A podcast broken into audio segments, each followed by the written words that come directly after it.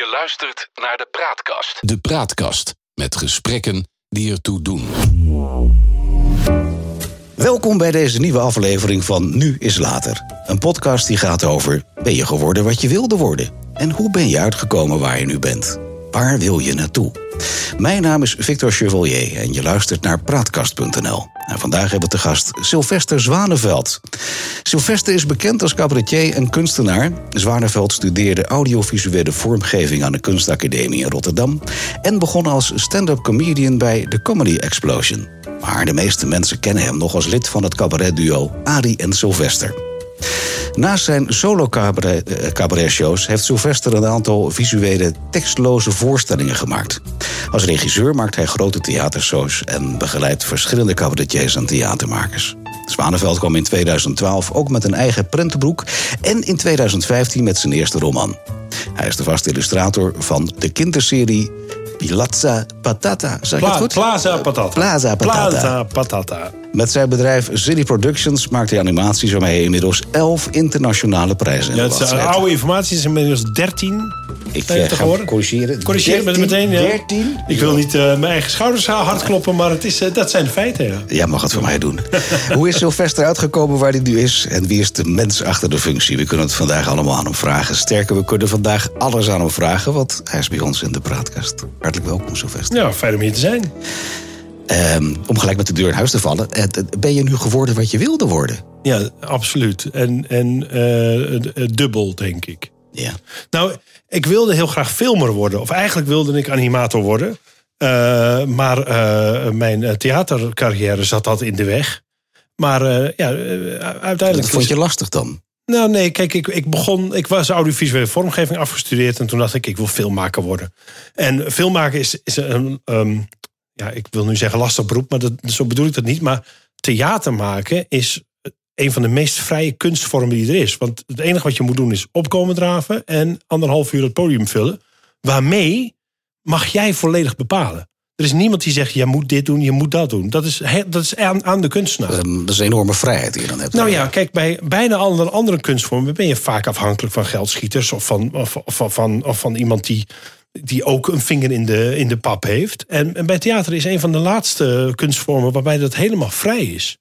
Ehm, bij film is dat niet het geval. Bij film eh, eh, eh, ben je afhankelijk van een producent, van een regisseur, van een schrijver, van een, nou ja, enzovoort. Dat is een groot team. Maar dat heeft natuurlijk ook zijn voordelen. Maar je zegt dat dat er tussendoor kwam. Dus dat, dat, dat- het klinkt een beetje alsof je op koers zat. Ik zat op wil- koers, nee, dat klopt helemaal. Dus ik was volledig op koers om filmmaker te worden. En toen werd je van straat gerukt en toen zeiden ze... nou, Sylvester, je bent best wel leuk eigenlijk. Nee, nee, nee maar ik zag, ik zag op mijn. Kijk, ik, was, ik wist op mijn, op mijn vijfde, denk ik al, van ik wil iets met visueel communiceren doen. Dat was destijds, toen ik een jaar of vijf was, was dat maar wat deed je dan toen je, reclametekenen. toen je vijf was? Was- Was je al aan het, aan het tekenen? was Was je vooral, echt ja, dat- vooral aan het tekenen. En eh, dat, daar leek ik talentvol in te zijn. Dat zei in ieder geval iedereen. Ja. En toen dacht ik, ja, wat is dan een, Dus een mooi beroep? Dat, strip- dat striptekenaar je Nou, striptekenaar, daar, daar was ik mee bezig. Dat heb ik tot mijn twaalfde zeker heb ik dat heel veel gedaan. Maar ik wilde, eigenlijk wilde ik die... Vroeger waren alle posters voor films waren altijd geschilderd. Ja. En hè, Fotografie was nog lastig en zo. Dus, eh, dus Star Wars en Indiana Jones en al die, al die posters, die waren geschilderd. Dat wilde ik gaan doen. Maar ook alle Mal- Marlboro en, en, en eh, sigarettenreclames en zo... waren allemaal vaak grote schilderijen. Ja. Toen dacht ik, dat ga ik doen. Nou, Wat is, er dan misgegaan met je? nou dat vak is eruit gevallen. Dat vak bestaat niet meer. Maar dat wist je toen je aan het afstuderen was. Toen was ja, je toen, 18, ik aan de, op de 19, kunstacademie, 20. toen ik op de kunstacademie zat, wist ik al dat vak bestaat niet meer. Dat is voorbij. Er zijn nog eh, af en toe iemand die dat nog doet uit, uit nostalgische overwegingen. Maar dat, Ja. dat vak bestaat niet meer. Maar, maar heb je dat toen tijdens je studie, eh, ben je dat gaan bijsturen? In, in de zin van, nou, ik ben, ben mijn focus gaan verleggen? Van ja, dus ik ben toen van reclametekenaar ben ik overgestapt naar grafisch vormgever. Dat was ongeveer hetzelfde. En toen heb ik eh, een LBO gedaan, lagere beroepsopleiding, een MBO gedaan en Ja. daarna de kunstacademie. En allemaal in de richting grafische vormgeving. Maar toen ik eenmaal op de academie zat, dacht ik, ja, ik ben wel een beetje uitgegrafischd. Ehm, wat is de, mag, mag ik even terug? Ja, dat- hoe was jouw periode op de middelbare school? Welke middelbare school heb je gedaan toen? ik heb de LBO detailhandelsschool gedaan. Ja. Dus de lagere beroepsopleiding uh, School voor Commercieel Onderwijs heette dat. Mhm. Uh, daarna ben ik naar het CIBAP gegaan. Dat heette toen nog dat heette toen de Schilderschool. Ja. Dat heb ik toen niet gehaald. Daar ben ik toen van afgegaan. Na een jaartje, toen ben ik een jaar gla- glazenwasser geweest. Ja. Eh, nog altijd mensen een kopje koffie, glazenwasser. Nog altijd. Ja. Eh, en eh, toen ben ik, toen had ik geen jaren genoeg. Toen was met studiefinanciering was dat geouwe geen jaren genoeg meer om nog naar de kunstacademie te gaan. Dus toen heb ik een studie gezocht die maar drie jaar was. Dat was mode en kleding. Die had Ja. ook een richt. Dat was echt een meisjesschool. Hè. Ik was een van de weinige jongens daar. Ja. Ehm, maar die had een richting presenteren. En toen dacht ik, dan heb ik toch een MBO om naar de, kunstacademie te, kunstacademie te kunnen gaan. En dat is gelukt toen. Oké. Ja. Ehm, maar je vertelde je wilde eerst reclametekenaar worden. Ja. Dat was een vrij lange weg eigenlijk, als ik dit zo hoor. Dan- Ja, maar ik ben ook heel vroeg begonnen. Hè. Op, mijn, op mijn vijfde wist ik al wat ik wilde worden.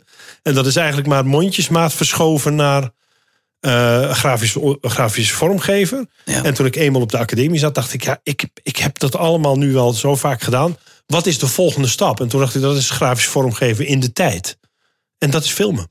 In de tijd, en dat is filmen. Dat mag je even uitleggen. Want dat is voor mij een term dat ik denk van... grafisch vormgeven heeft te maken met vlakverdeling en met, en met de communicatie en met eh, nou, alles wat eigenlijk een foto eh, in zich heeft. Ja. Dat is ook een grafische.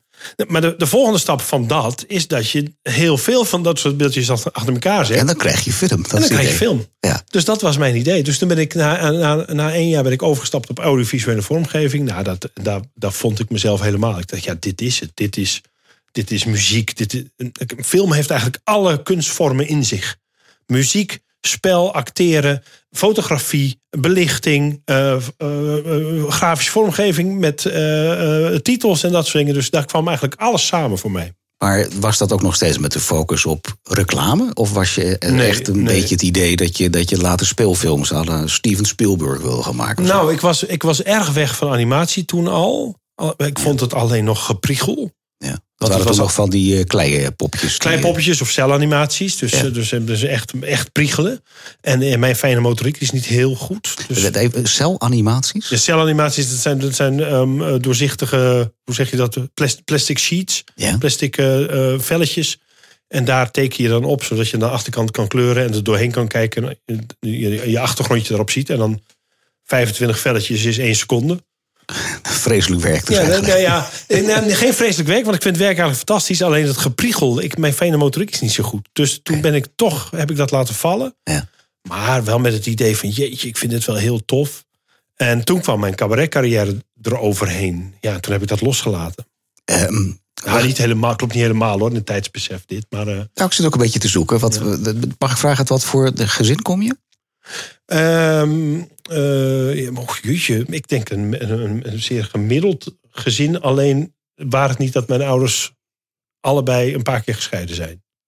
Een paar keer. Ja, Ze hebben het niet bij één keer gehouden, zeg maar. Nee. ik geloof dat mijn vader is drie keer getrouwd en mijn moeder is twee keer getrouwd. Oké, dat is allemaal in, jouw in jouw jeugd geweest? Ja, dat is Van- allemaal van in mijn 0 jeugd tot, geweest. 0 tot 20, zeg maar. Ja, zoiets. Ja. Ja, Ja. ja. ja. Heb je broers en zussen? Ik heb een eh, jongere zus. Oké. Ja. En je hebt al die, al die scheidingen ook mogen meemaken. Je Ja. hebt alle wisselingen van school mogen meemaken. Heeft dat op een bepaalde manier invloed op elkaar gehad in jouw leven? Of valt dat eigenlijk wel mee? Eh, nee, wat bedoel je met op elkaar? Nou, dat je, dat als je het hebt over, over dat, je, dat je ouders eh, telkens een andere partner weer krijgen. Ja. Dan mag ik ook nanemen dat je in twee verschillende huizen opgevoed bent. Ja. Eh, met twee verschillende nieuwe partners. Dat, dat is een, een hele, ja, niet een standaard eh Nee, nou, wat ik, wat ik daar erg van geleerd heb, of, of, of wat de, noodzaak werd om, het, om dingen zelf te doen. Ja. Dat is eigenlijk wat, wat daar gebeurde. Dat, dat, ik, dat, ik, dat ik dus me, hoe zeg je dat nou, bijna gesteund voelde. Eh, Misschien werd ik heus wel gesteund, daar gaat het niet om. Maar, Nee, maar je voelde maar daarin ik, voelde, dat je... Dat ik, je ik had het gevoel, als ik iets wil bereiken, dan moet ik het zelf gaan doen. Ja. En eh, dat is eigenlijk mijn hele leven bij me gebleven. Hoe oud was je dat je dat besef kreeg? Ja, eh, twaalf of zo. Ja, dus echt eh, vanaf de lagere school naar Ja. middelbare school kwam dat Zeker. naar boven doen. Ja. Heeft dat jou beïnvloed in jouw carrière in, in, hoe dat zich ontwikkeld heeft? Ja, dat heeft enorme invloed gehad. Ja. Dat heeft de invloed gehad dat ik zo ver gekomen ben. Maar ook dat ik niet verder gekomen ben. Nou, die mag je even uitleggen, Nou Sylvester. ja, eh, kijk, als je, als je al vroeg beseft dat je het zelf moet doen, dan ga je gewoon wandelen of rennen. En dan, en dan zorg je dat dingen voor elkaar komen. Ehm, daardoor eh, heb ik Carré gehaald en, en, en 13 internationale eh, festivals gewonnen. Maar dan zeg je eigenlijk, daar, daar heb ik het doorzettingsvermogen vandaan Ja, gehaald. absoluut. Heb ik die in die tijd ontwikkeld. Ja, dus dat is het voordeel. En het nadeel is dat ik eh, een, eh, de, de, ehm, het voordeel van eh, samenwerken niet gezien heb. Oké. En dat bedoel je ermee dat je wat minder goed in teams functioneert. Mag ik het zo Nou, zeggen? ik was niet zo goed. Inderdaad, ik ben lang niet zo goed geweest om in teams te werken. Ik word daar wel steeds beter in. Maar dat is ook lang een, een, eh, een, een struikelblok geweest, een bottleneck geweest. Dat je, dat je ook ziet van, oh ja, ik kan alleen maar mensen aansturen. En, maar echt samenwerken en dat samen tot een hoger ding brengen, dat zit, dat zit lastiger. En waar loopt dat op vast dan, naar jouw idee? Nou, uit- uit- uit het dogma van ik moet het zelf doen. Maar dat je dan, dan niet andere mensen in jouw project toelaat. Dat ik dat, ik dat lastig vind, ja. ja. Maar uitzicht dat in vervelende momenten die je met mensen gehad hebt? Mag ik het zo zeggen? Niet in vervelende momenten, maar wel in dat... Vervelende fases. Nou, nee, maar je, je merkt wel dat, dat, eh, dat mensen het leuk vinden om op mijn, op, op mijn karretje mee te springen. Dus als ik het karretje trek, dan gaan mensen daar vaak eh, graag bij op zitten. Maar dat ik weinig gevraagd word om op andere karretjes te gaan zitten. Omdat ik waarschijnlijk het karretje overneem. Dan ga jij het karretje vertrekken. Ja. Ook al zou je dat uitgenodigd zijn. Ja, ja, exact. Ja. Dus, en, dan- en, en, Ja. dat, en dat zorgt er ook voor dat mensen je maar niet meer vragen, want dat is hun karretje. En dan, eh, ja, dan hebben die Zwanenveld erbij die dan de boel overneemt. Daar hebben we niet zoveel zin in. Dus dat zit je ook in de weg. Ja. Ja. Ja. Maar daar doe je wat aan? Of Heb je wat aan gedaan? Nou, inmiddels werk ik al veel beter samen met mensen. En, en, en zie ik die kwaliteiten ook. En kan ik daar ook goed gebruik van maken. En, en dat moet ook wel, want, want ik kan het werk wat ik nu allemaal doe niet in mijn eentje doen. Dus daar moeten mensen, talentvolle mensen meewerken. En die moet je dan ook een ruimte geven om hun talenten eh, eh, uit te buiten. Of, of tot, tot de volle te benutten. En daar ben je nu wel goed in. Nou, goed niet, maar wel beter dan Beter dat ik was. geworden als dat je was. Oké. Hey, maar je was met je, met je studie bezig. En je zei toen kwam eh, de comedy train voorbij. Of de comedy eh, Explosie. Ja, de Comedy Train kwam ook wel voorbij. Nou, het, het klopt niet helemaal, want ik ben eerst nog... eh, en ik ben op mijn zestiende begonnen met cabaret. In een tijd dat cabaret niet hip was. mijn vrienden allemaal niet mee wilden. En zeiden, nee, dat is voor oude lullen, dat gaan we niet doen. Maar ik vond het toch een, ik vond het een prachtige vorm. En, Was ehm, dat voor oude lullen? Waarom dan? ja, dat was toen ik begon, echt toen ik, dus vlak Ja? voordat ik begon en ik zelf veel ging kijken, ja, zaten er, ja, zaten er geen jongeren in de zaal. Was het, was het onpopulair. Bij jongeren. Ja. En bij jongeren, en, maar ook bij ouderen, want er was ook niet zo heel veel. Ik, ik geloof dat er tien grote zalen en tien kleine zalen acts waren. Ja. Dat was het. Terwijl er nu zijn er 400. Mhm. Dat is nogal een verschilletje natuurlijk. Ja. Eh, maar ik vond het fantastisch. Dus ik heb toch mijn, ki- to- toch mijn vrienden meegesleept. En, en, en, en heel langzaam werd dat eh, populair. Maar ik begon al op mijn zestiende. En het werd pas echt dat het, dat het booming werd. In, nou, toen was ik al richting de 30 aan het gaan, denk ik. Maar vanaf je zestiende zeg je, maar Ja. wat, wat ging je dan doen? Hoe werkte dat in die tijd? Nou, ik, ik, ik was, ehm, ehm, hoewel mijn moeder dat, dat vervelend zal vinden als ik dat zeg, maar niet zo cultureel opgevoed. Ja. Wij gingen niet naar theater toe. Eh, ik ging één keer in het jaar naar de bioscoop op mijn verjaardag. Ehm, ehm, nou, dat was het volgens mij wel. We bezochten wel eens een museum, maar dat was meestal een heel kleintje als we op vakantie waren. Ja. Eh, en meestal dan iets wat populair, weet je, een, een, een speelgoedmuseum of dus niet, niet geen, geen hogere kunst. Ehm, en op mijn zestiende kreeg ik een vriendinnetje en die nam mij mee naar het theater. En dat vond ik zo fantastisch wat daar gebeurde. Ik vond de, de, de, de cabaretier niet eens zo interessant, maar wat hij met die zaal deed, dat vond ik uniek. En ik heb daar in die zaal tegen haar gezegd: dit ga ik ook doen. Weet je nog bij wie dat was? Ja, dat weet ik nog wel. Wie was dat? dat zeg ik meestal liever niet. nou, ik had ook wel, hoe heet hij ook alweer? zeg ik liever niet. Eh, ja, Nou, omdat ik het niet. Ik vond, ik vond zijn show helemaal niet zo denderend. Oh. Ik vond wat hij met die zaal deed uniek. En toen dacht ik, dat wil ik ook. Ja, dan wil ik weten wie het is. Ook natuurlijk. Ja, hoe heet die jongen nou ook alweer? Eh, die, hij, eh, de- hij speelt voornamelijk piano, maar grapjes aan de piano. Heet hij nou ook alweer? Eh, Hans Lieberg. Hans Lieberg. Ik was bij. Hans Lieberg. En, eh, ik was helemaal niet zo weg van wat hij deed. Ik vond het wel knap en ik vond, ik vond het wel, eh, wel tof en zo. Maar, Maar niet dat ik nou dacht, dat wil ik ook. Verre van, dat wil ik niet. Ik wil iets anders. Maar wat hij met die zaal deed... Dus ik zat helemaal boven in de Schouwburg van Groningen. Helemaal in de nok. Dat is hoog. En ik keek zo op, op de zaal, kon ik zo kijken. En ik zag al die mensen dubbel slaan van het lachen. En toen dacht ik, dat wil ik ook. Maar, maar ging het dan om, om het bespelen van zo'n van zo'n zaal? Ja. Ging dat om dat men daar plezier had? Wat was voor jou het element wat je het meest aansprak? Ja, ik, ik weet niet of ik dat nog zuiver terug kan halen. Ik weet wel wat ik ervan gemaakt heb in de loop der jaren. Ja. Ik hou van, ik, nou, ik, ik hou van verwondering als, men, als, je, als, je, als, je, als je jezelf ontstijgt en als je klikmomenten hebt. Dus dat, dat, dat, je, dat, dat je hersens even omgegooid worden. Daar hou ik heel erg van. Dat vind ik fantastisch als dat gebeurt. Je, je denkt dat het zowel op, op, op één op één niveau kan, als dat dat met een zaal kan. Zeker. Dat is een beetje het idee wat je dan Ja. krijgt. Maar wat voor soort vibe heb je het over dan als je het met een zaal hebt? Want als je het één op één Nou ja, wat ik fantastisch vond, is, is dat mensen in een soort magie terechtkomen die, die, die, die, die de werkelijkheid ontstijgt. Ja. Dat je, dat je, je gaat zitten in een zaal, je, je zit daar gewoon in je zaal, je, bent, je hebt net de oppas eh, eh, gevraagd, kun je, je, je hebt je auto niet kunnen parkeren, dan ga je zitten. En dan word je helemaal uit de realiteit gelift naar iets anders toe, wat dan Heel magisch is dat. ja, ja, echt, magi ja, echt magisch is. En als er dan ook nog iets in je hersens gebeurt. Dus, dus, dus dat vond ik al fantastisch. Ja. En dan vind ik dat met lach vind ik dat het allerfijnste. En, maar als er dan ook nog iets in je hersens gebeurt, dat, dat, je, dat, je, dat er iets verandert in je. Ja, dan vind ik het helemaal waanzinnig. Wat voor verandering bedoel je dan? Nou ja, dat je een inzicht hebt gekregen. Of dat, er, of dat, dat je wat wijzer geworden bent? nou, of een- inspiratie hebt gekregen. Ja, of, of, of, dat je, of dat je ergens anders naar kijkt. Of dat je, of dat je een, nou ja, of een inzicht. Dat vind ik altijd fijn. Een inzicht vind ik een heel prettig dingetje. Dat je eigenlijk een clichématig idee hebt over iets. En doordat je bij zo'n voorstelling bent geweest. Of, of een film of, of muziek, whatever. Ja. Dat je ineens denkt. hé, hey, dat zit anders dan ik dacht. Dat, dat geeft dat extraatje. Maar dat, dat- je was toen iets ouder dan 16, mag ik aannemen. Want je Nou, was, dit begreep ik allemaal niet toen ik 16 was. Nee. En toen ik 16 was, dacht ik alleen... wat die man met die zaal doet, dat wil ik Dat ook. En ik daar ga ik alles aan doen. Ja. En ik heb toen ter plekke... dat was dus de eerste keer dat ik in het theater zat... en ik heb toen tegen haar gezegd, ik ga dit ook doen. En drie maanden later stond ik op, het, op een open podium. En er was gewoon een open podium waar je kon binnenlopen of waar je kon aanmelden. En dan mocht je 10 minuten mocht je een ding doen. Maar wat ging je dan doen? Wat had je dan enige ervaring Nee, met, nee, met het vertellen van dingen of van situaties of van moppen, weet ik veel? Nee, ik, ik begreep er helemaal niets van. Dus de eerste paar keer ging ook helemaal niet goed. Maar ik was zeer vasthoudend. Dan heb je wel lef gehad in die tijd. Ja, blijkbaar.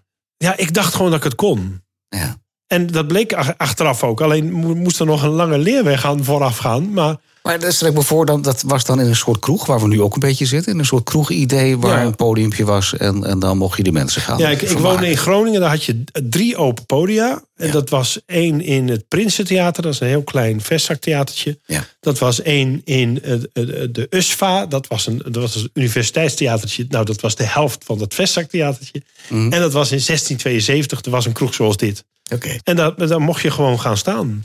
En eh, eh, ik heb dat rondje, die drie, gedaan. En bij de derde in eh, 1672 was het, was het raak.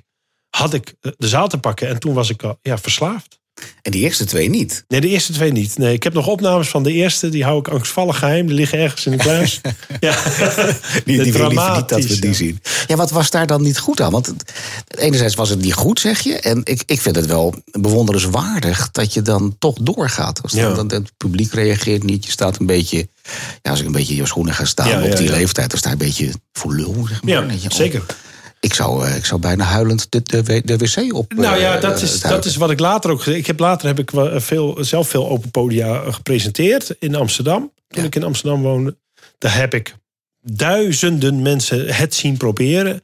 En 90 tot, tot 99 procent haakt af als het slecht gaat. En gaan huilend naar huis en gaat nooit meer het podium op. Het is die 1 procent die daarna denkt: nee, maar ik kan het wel. Die het redden. gewoon door. En blijkbaar was ik een van die. Ja. Ehm, nee, het was. Ik, ik, ik weet niet wat. Achteraf denk ik wel wat bezielde mij, maar ik wist gewoon zeker dat ik het ging kunnen.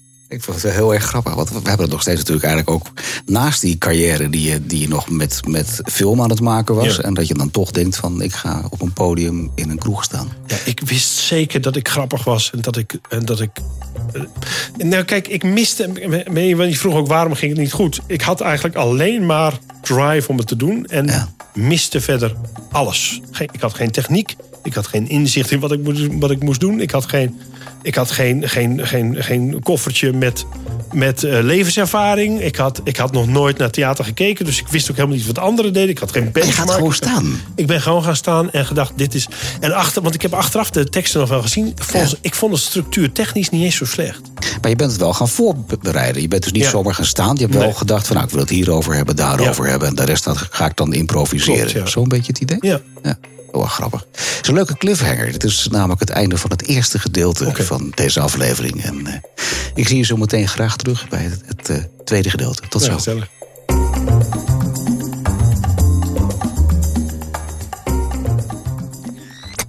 De Praatkast.